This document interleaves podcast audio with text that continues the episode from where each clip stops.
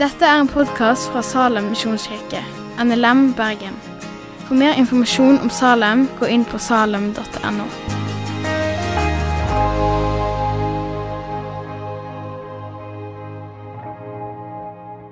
Jeg var oppe, så kom jeg for seint, og Kjersti sto her alene. stakkar. Så jeg tenkte jeg skal ikke lage meg rutine at jeg eh, kommer for seint. Det liker jeg ikke. Men det er greit å ha litt vann. Kjekt å se dere. Veldig bra og veldig gøy og fantastisk å være her sammen med dere i dag. Introduserer meg at jeg eh, heter Gjermund, ja. Jobber som pastor.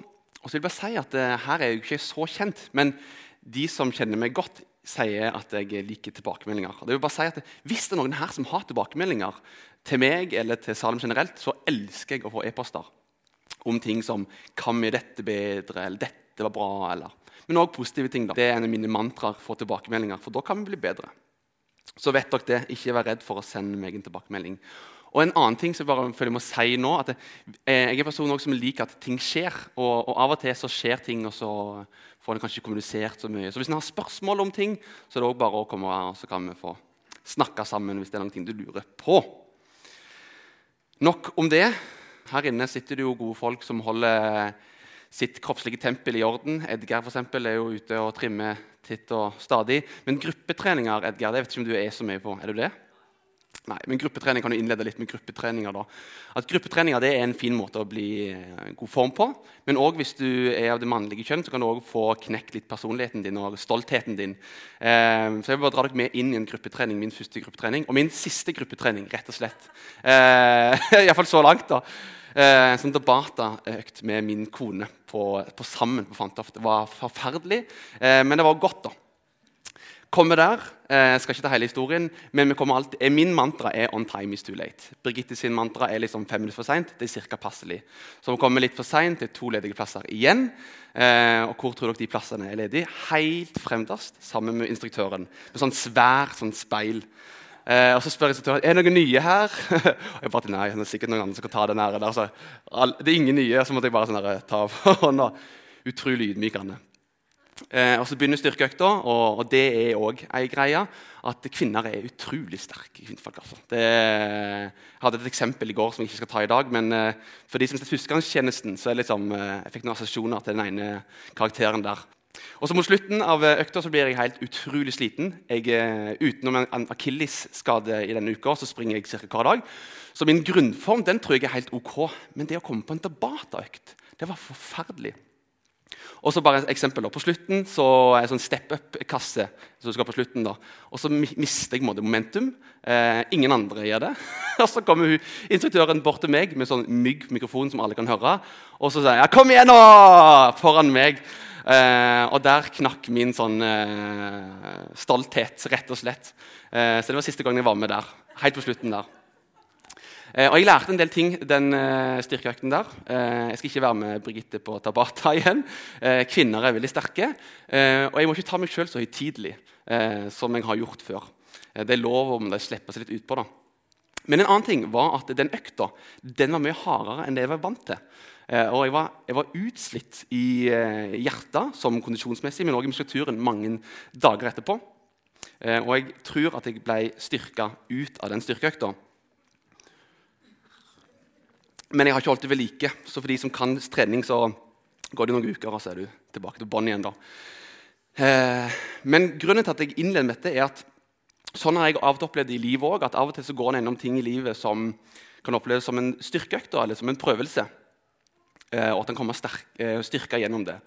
Og den klisjeen mot sånn, 'kills you, makes you stronger'. Altså, jeg tenker at Det er en grunn til at sånne ting blir en klisjé, fordi mange her inne har kanskje opplevd det. At noen ting har vært en prøvelse, og så har kommet styrka igjennom det. Eh, sånn er det ofte i livet òg.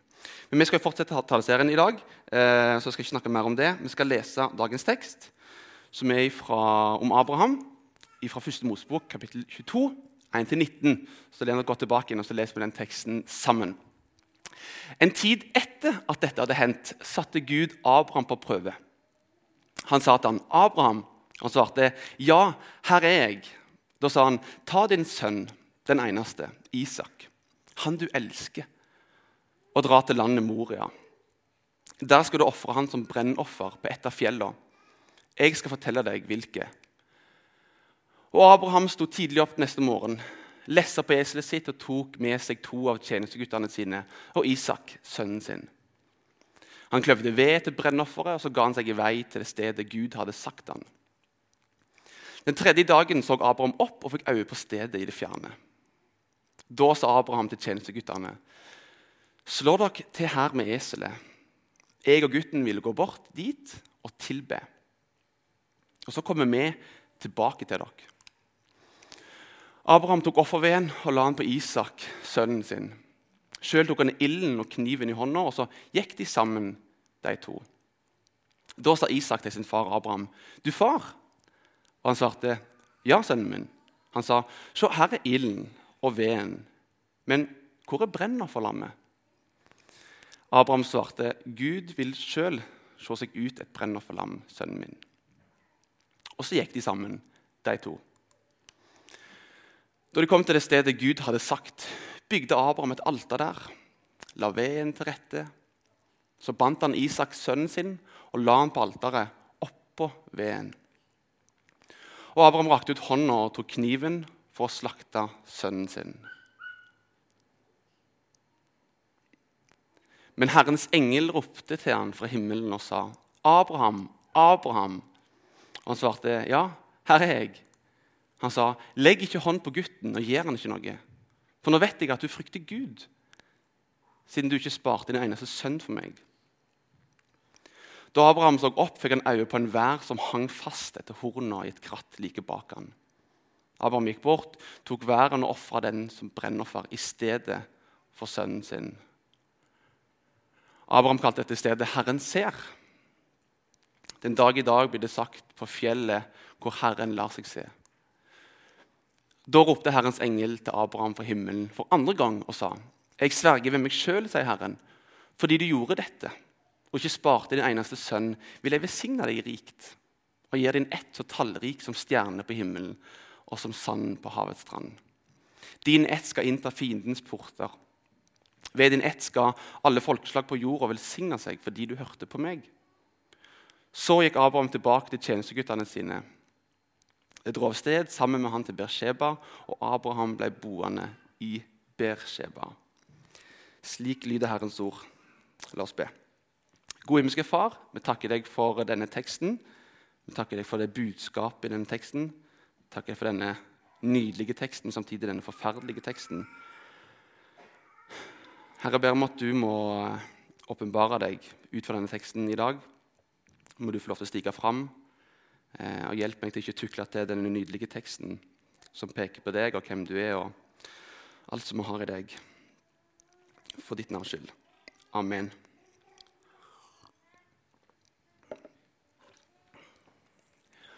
Gud begynner med å si til Abraham En tid etter satte Gud Abraham på prøve.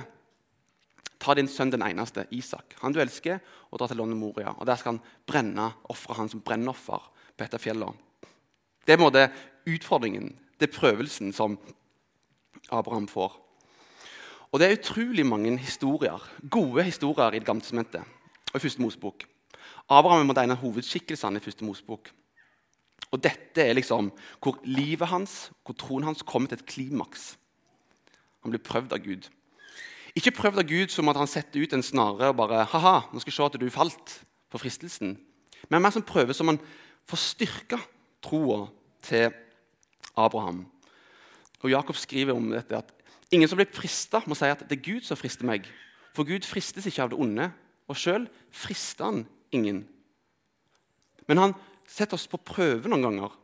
Se det bare som en glede, søsken, når dere møter alle slags prøvelser. For dere vet at når troen blir prøva, skaper det utholdenhet. Altså ikke frista, men prøva. Og prøvelser har en tendens til å vise vårt sånn sanne jeg, vårt indre. Og Så testa Gud Abraham, ikke for å se han til å falle, men for å styrke han. Kanskje for å strekke kapasiteten hans, Kanskje for å forankre den enda dypere i hans sannheter. Og så spørsmålet, hva, hva skjer når vi blir prøva? Ser vi det på som en måte hvor Gud han strekker vår karakter, han utvikler karakteren vår? Eller straffer han oss? Hvordan takler vi det? Jeg sa i går at uh, dere kjenner ikke hus, mest sannsynlig, men jeg ble kjent med ei på Høstviken som um, berika livet mitt vanvittig. Fordi Jeg satt der på første kveldsmåltidet på Høstviken og så spurte jeg, hva liker du å holde på med. Og sånt. Og så pleide jeg å få de vanlige tingene, være med venner. Og hun bare sånn, jeg liker å klatre i trær. og tenkte, For dette øyeblikket her så har mitt liv blitt eh, velsigna rikt eh, og ut, utvida. Få å bli kjent med en person som liker å klatre i trær. så etter det når jeg er på løvstakene, så ser jeg etter trær. Kan jeg klatre dette treet? Nei, det er for vanskelig for meg. Men hun som jeg kjenner på lørdagen, hun hadde nok garantert klart å klatre det treet. Men her i Bergen så er det ikke så utrolig masse gode skoger. Altså, eh, no offense, altså. Men der jeg kommer fra, bodde mine ti første år i Telemark, der er det skoger. folkens. Eh, jeg skal ikke si så mye om skog, eh, for jeg er ikke skogbruker. Men i en skog er det som regel trær som er fra seg, null år og så opp mot 40 år. Da, for da blir de, kutta ned, og så blir de til, til ved eller til, til tømmer. Da. Men det, inni skoger så er det av og til sånn Å, fy søren, dette var et gigantisk tre! Et gammelt tre. Kanskje det er 100 år gammelt. I don't know. Og så tenker du kanskje ja, kanskje dette treet det, slapp, det, det datt sikkert ned under gyda. De var ikke så heldige. Men nei, det har vært masse stormer. Det har vært mange orkaner og liksom store stormer som har måttet satt dette treet på prøve. Og I for det eiketreet så ser du ned på bakken, så er det sånn dødt under det. fordi Det ligger masse, masse blad, det ligger så masse kvister. Kanskje det har vært eh, tørre kvister, råtne kvister. Og når det kommer en storm, så har de knukket av. Blad har falt av, kvister har falt av. Og Kanskje det har vært noen skikkelig sterke stormer som har gjort at kanskje litt av rotsystemet har løfta seg litt, og så trenger den å forplante seg enda dypere inn i bakken. Og så har jeg tenkt for, for, oss som fellesskap Av og til så går vi gjennom noen prøvelser. De siste to åra har vi gått gjennom en prøvelse, kanskje. Kanskje du står i en prøvelse nå. og Jeg har ikke lyst til å trykke i noen salater her, men de prøvelsene de, de, måtte, de rokker noe med oss. Kanskje de styrker oss. Kanskje noen ting faller vekk som ikke nødvendigvis skal være der. Og så kommer kanskje styrka gjennom det. Gud setter Abraham på prøve for å, for å styrke han, ikke for å få han til å falle for en fristelse. Og så Resten av talen skal vi bruke på en måte hans en lydighet mot Gud. da. Jeg skal parafrasere bare de versene. Og Abraham sto tidlig opp neste morgen. Lessa på eselet sitt og tok med seg de to tjenesteguttene sine og Isak, sønnen sin kløvde ved til brennofferet, og så ga han seg i vei til stedet Gud hadde sagt han. Da de kom til det stedet Gud hadde sagt, så bygde han en alter der, la veden til rette, og så binder han Isak, sønnen sin, legger han på alteret oppå veden. Abraham strakte hånden og tok kniven for å slakte sønnen sin.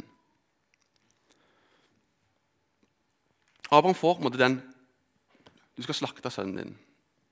Så står det ingenting mer. Men det neste som skjer, er at han, han står tidlig opp. Han utsetter ikke problemet. Han, han må gå titte tidlig opp, gir seg klar, og så gjør han det. Han går på Guds kall. Og så er det heller ingenting, han reiser på to-tre dager, står ingenting om hva han tenkte på i disse to-tre dagene. Ba han sånn som Jesus om, om mulig la dette begeret meg forbi?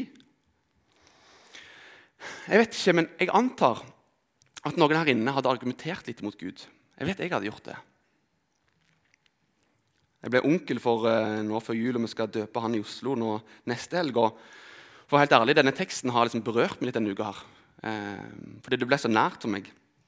Jeg tror, jeg tror, jeg hadde argumentert på vegne av min, min bror at men Magnar, altså, jeg kan ta liksom, hvem som helst, men, men ta ikke han, liksom. Og Det er kanskje tanken til et svakt hjerte. Det er tanken til mitt svake hjerte, at jeg, jeg vil heller ha mitt enn en Guds. Men, Gud, men Abraham visste at han hadde med Gud å gjøre. Abraham hadde lært at han skulle ikke argumentere i møte med Gud, men å adlyde. Og så var han sikker på at Guds befalinger var gode for han. Det er ikke sikkert han så det, men han, han visste at det var bra for han. Og Så står det i Hebreerne 11, i tro 11, vers 17-19. I tro bar Abraham fram Isak som offer da han ble satt på prøve. Sin eneste sønn var han villig til å ofre. Ennå han hadde fått løftene, og dette var blitt sagt til han. Gjennom Isak skal du få en ett som kalles din. Han regner med at Gud har makt òg til å vekke opp døde. Derfor fikk han sønnen tilbake.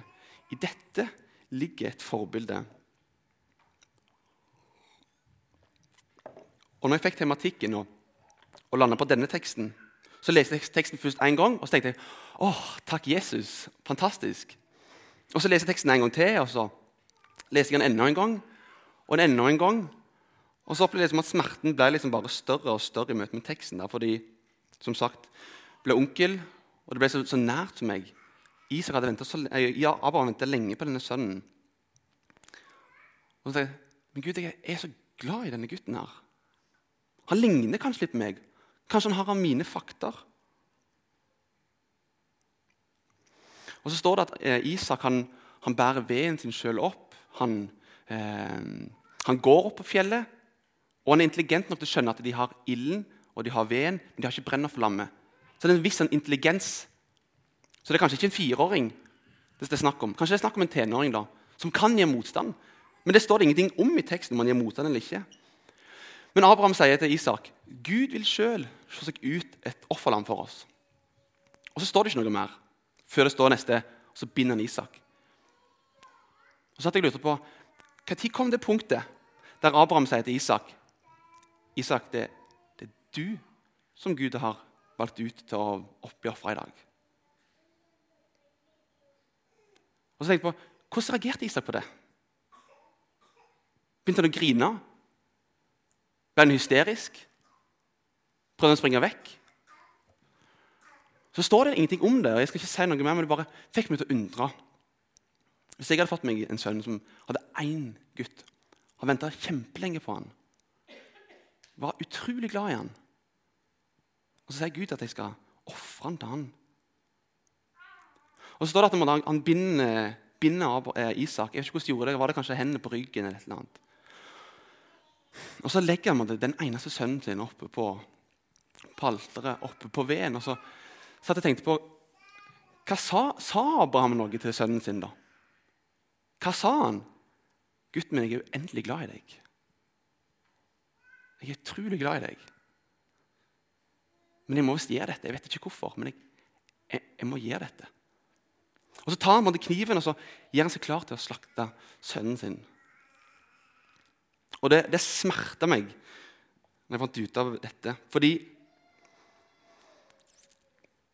det ble på en måte personlig for min egen del. Når du tar det tilbake til Jesus, som ble offer for oss Gud han, han ville ikke ofre Jesus, men, men, han måtte. Han var uendelig glad i sønnen sin. Og Så spør han kanskje hva som gjør at Abraham tør å gjøre noe så brutalt. Her finnes det mange foreldre. Jeg er ikke forelder, men min første eh, respons var det her var en dårlig far. Dette er ikke pappa 2022, liksom. Men hva som gjør at Abraham kommer til det stykket? Kunne brukt masse tid på å liksom, fortelle det som skjer før. Men Gud har kalt Abraham til en del greier. Og så har han sett at Gud har vært trofast der. Han har vært trofast der. I den fasen av livet så var Gud trofast. I den prøvelsen Gud var trofast. Ok, Gud vil også være trofast. Her, Jeg vet ikke hvorfor han vil at det skal gjøre det. Det høres spinnvilt ut. Men Gud han er trofast. Og så ville ikke Gud at Isak skulle dø, men han ville at Abraham skulle, nei, at Abraham skulle få elske Gud mer enn Isak. Og så er det sånn i vårt liv også, at Det er ikke alle prøvelser som er for Gud, men Gud sender av og til noen prøvelser for oss. Ikke for å friste oss, men for å styrke karakteren vår. Jeg er 25 år og relativt ung. og Jeg har ikke veldig mange prøvelser, men jeg har noen prøvelser som gjør at jeg faktisk står her i dag. Hadde det ikke vært for de prøvelsene, så hadde jeg ikke vært her i dag. Hadde mest sannsynlig vært snekker fortsatt. Ingenting galt med det, men det er bare det er en del prøvelser som har ledet meg en annen vei. Som gjør at jeg kan stå her i dag.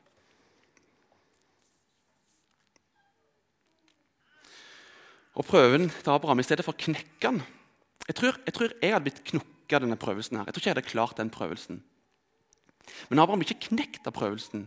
Men opp på fjellet så blir det, som en sånn ny vandring mellom Abraham og Gud. En sånn livslang vandring med Gud.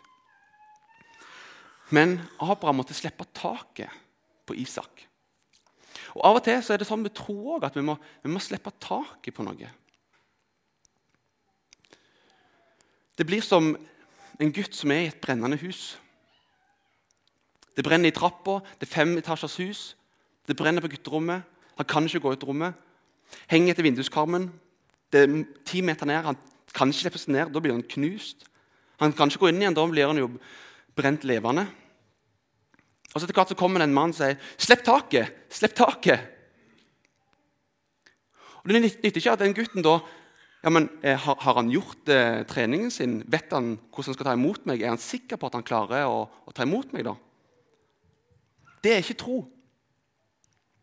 Troen er når denne mannen sier, 'Men slipp taket! Slipp taket! Jeg har deg.' Og Det er når gutten slipper tak i vinduskarmen og slipper seg ned i armene på han. Det er tro. Og Sånn er det med oss òg. At vi holder fast en del greier. En Isak kanskje i vårt liv som vi, som vi holder fast til. Kanskje en synd, kanskje en god gjerning som vi tenker er bra for oss. Men det, vi klynger fast til feil ting. Og Troen er ikke å tenke på er han sterk nok. Er han ikke det? Det å slippe taket og bare hvile at Jesus har kontrollen. Og slippe oss ned i Jesus sine hender. Det er tro. Og det er det Abraham fikk ofte oppleve. Han grep ikke fast på troen, men han slapp på en måte tak på Isak og lente seg tilbake på Gud.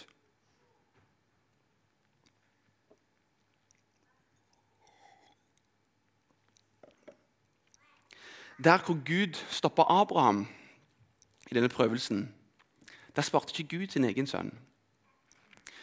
Og Denne teksten er liksom bare ett stort ekko til Jesus. Og Jeg føler meg nesten litt sånn hyggelig. Jeg skal ikke ta alle disse ekkoene til Jesus, men det får bli en annen tale. Det var liksom bare ekko på ekko på ekko. Men der Abraham ble stoppa, der stoppet ikke Gud sin egen sønn fra å dø på korset. Om Isak hadde levd videre, så var det et offer i stedet for Isak. Han kunne leve. Men hadde Gud stoppa Jesus fra å dø, så hadde Jesus levd videre. Men vi hadde vært døde. I Romerne så står det han som ikke sparte sin egen sønn, men ga han for oss alle.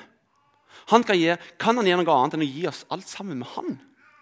For så høyt har Gud elska verden at han ga sin sønn den enbårne, for at hver den som tror på han, ikke skal gå fortapt, men ha evig liv.